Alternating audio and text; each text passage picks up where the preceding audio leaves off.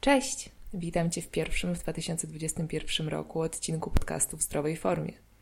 Nazywam się Natalia Niezgoda i jestem autorką bloga i profilu na Instagramie w zdrowej formie. Dzisiaj opowiem o kościach, o ich tworzeniu, o wpływie hormonów i aktywności fizycznej na ich zdrowie. Odpowiem też na pytania: dlaczego wraz z wiekiem spada masa kości? Dlaczego osteoporoza częściej dotyka kobiet? Co wspólnego z osteoporozą mają estrogeny? Jak przez wysiłek fizyczny dbać o kości i jak trening wpływa na ich masę? Na te i na wiele innych pytań odpowiem dzisiaj. Zapraszam.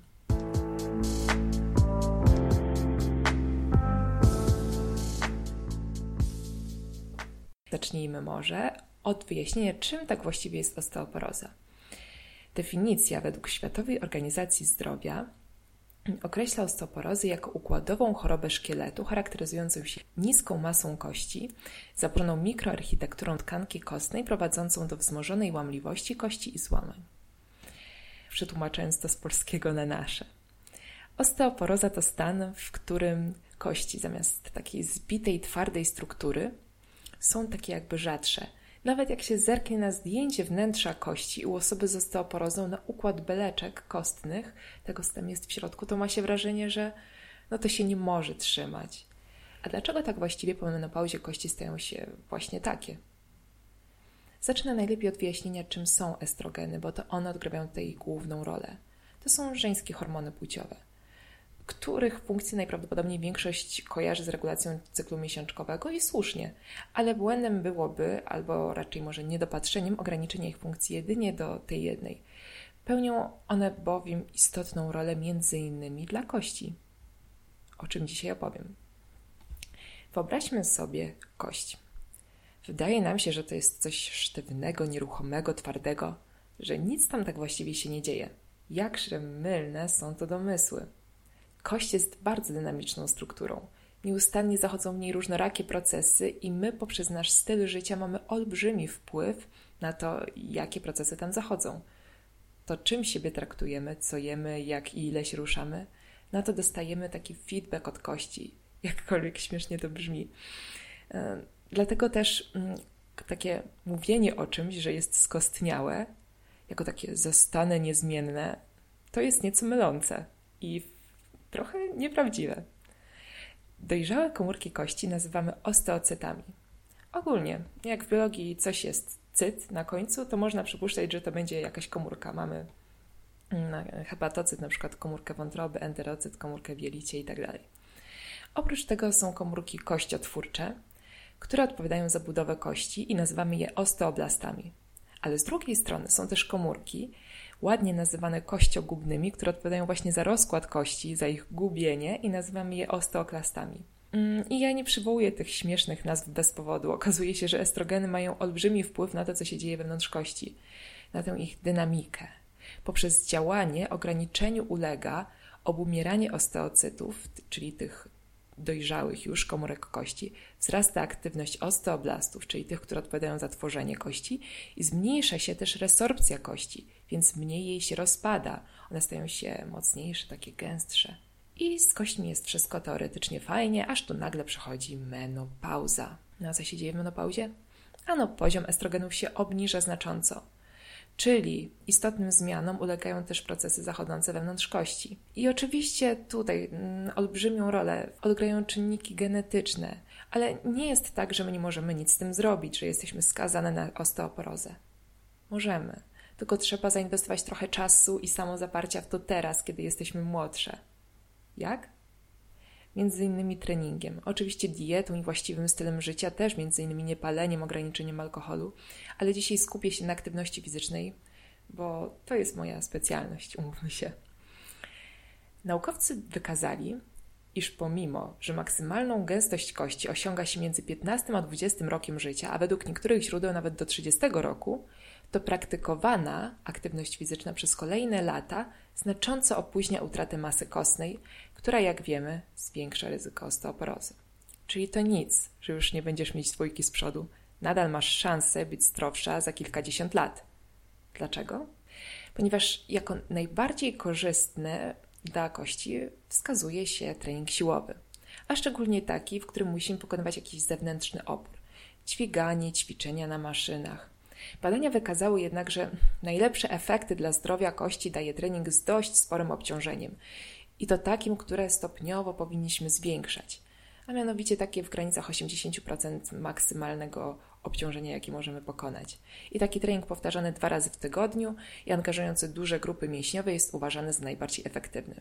Oczywiście pamiętajmy, taki wysiłek warto wdrożyć i niesie on ze sobą wiele korzyści, nie tylko dla kości. Jednak trening siłowy to nie tylko ciężary. Jak masz daleko siłownię, nie masz sztangi, nie możesz praktykować tego rodzaju treningu z różnych powodów, czy po prostu nie lubisz, jest wiele innych sposobów, ponieważ do treningu siłowego można również zaliczyć ćwiczenia izometryczne, na przykład planki, deski, czy pozycje w jodze, takie side bridge, pozycja wojownika. Również są ćwiczenia izokinetyczne, w tym wioślarze, jazda na rowerze i zwykłym i stacjonarnym. Ćwiczenia izotoniczne, czyli tutaj na przykład skinanie łokcia z handlem, czy przysiady. Przysiady są świetnym ćwiczeniem. Jednak też okazuje się, że wysiłek tlenowy, czyli jogging, szybki spacer, nordic walking, taniec, różne programy treningowe cardio, ćwiczenia ze stepami wpływają korzystnie na aktywność enzymatyczną osteoblastów, czyli przypomnę tych komórek kościotwórczych i mogą zahamować proces rozpadu kości. Wiele badań wskazało, że obciążenie, które dajemy naszym kościom, musi być dynamiczne, a nie statyczne i że takie obciążenie powinno być praktykowane regularnie, aby miało swój efekt. Naukowcy wskazują, że najbardziej korzystne jest łączenie ćwiczeń oporowych z aktywnościami dynamicznymi, typu żwawy aerobik, jogging, skoki. Wysiłek oporowy wzmacnia mięśnie, a te pozostałe aktywności zapewniają właściwe obciążenie dla kości. Także, pomimo iż sztangi, olbrzymie obciążenia są uważane za najbardziej korzystne, tak to nie oznacza, że jeśli nie możesz, nie lubisz tego praktykować, tak nie możesz zadbać o swoje kości. No dobra, to teraz jeszcze pokrótce wyjaśnię dla dociekliwych, jak to się dzieje, że kości obciążane stają się silniejsze. Wszak kojarzy nam się, że takie zachowanie, takie obciążanie bardziej powinno sprzyjać złamaniu. Otóż nie. Poprę się dzisiaj tutaj taką znaną teorią, tak zwaną teorią mechanostatu Frosta, która mówi, że tkanka kostna posiada wrodzony system biologiczny wywołujący tworzenie się kości w odpowiedzi na duże obciążenia mechaniczne. Co oznacza, że ona jest dobudowywana w miejscu, w którym jest to konieczne pod względem mechanicznym. Czyli jakby tkanka kostna dobudowuje się tam, gdzie jest obciążana. I właśnie ten system obejmuje komórki, tym właśnie osteocyty, te dojrzałe komórki kostne, które w odpowiedzi na zewnętrzne obciążenia, czyli na na przykład trening, wysyłają sygnały do komórek kościotwórczych i kościogubnych, czy wpływają na remodeling i na tą dynamikę, która zachodzi wewnątrz kości i zapewnia, że są one zdrowe. Ok, to to już sobie wyjaśniliśmy, to jeszcze powiem o innej ważnej rzeczy. Kości stają się mniej wrażliwe na obciążenia mechaniczne wraz z wiekiem. Po osiągnięciu swojej dojrzałości, szczególnie między 18 a 25 rokiem życia, tutaj jest, no tutaj powiedzmy ten wiek jest dosyć e, różny w zależności od badań, ale 20, 25, 30, mówmy się. Najbardziej podatne na mechaniczne bodźce są w dzieciństwie. Ale, ale.